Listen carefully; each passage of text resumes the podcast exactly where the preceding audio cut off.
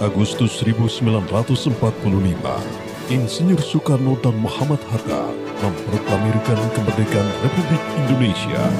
17 Agustus 1945, Indonesia menyatakan dirinya sebagai bangsa yang merdeka, merdeka dari negara penjajah. 17 Agustus 1945 menjadi bukti keringat dan darah dari pahlawan, merdeka atau mati. Perjuangan mereka telah mengantarkan kita pada Indonesia masa kini. Kita ada karena mereka.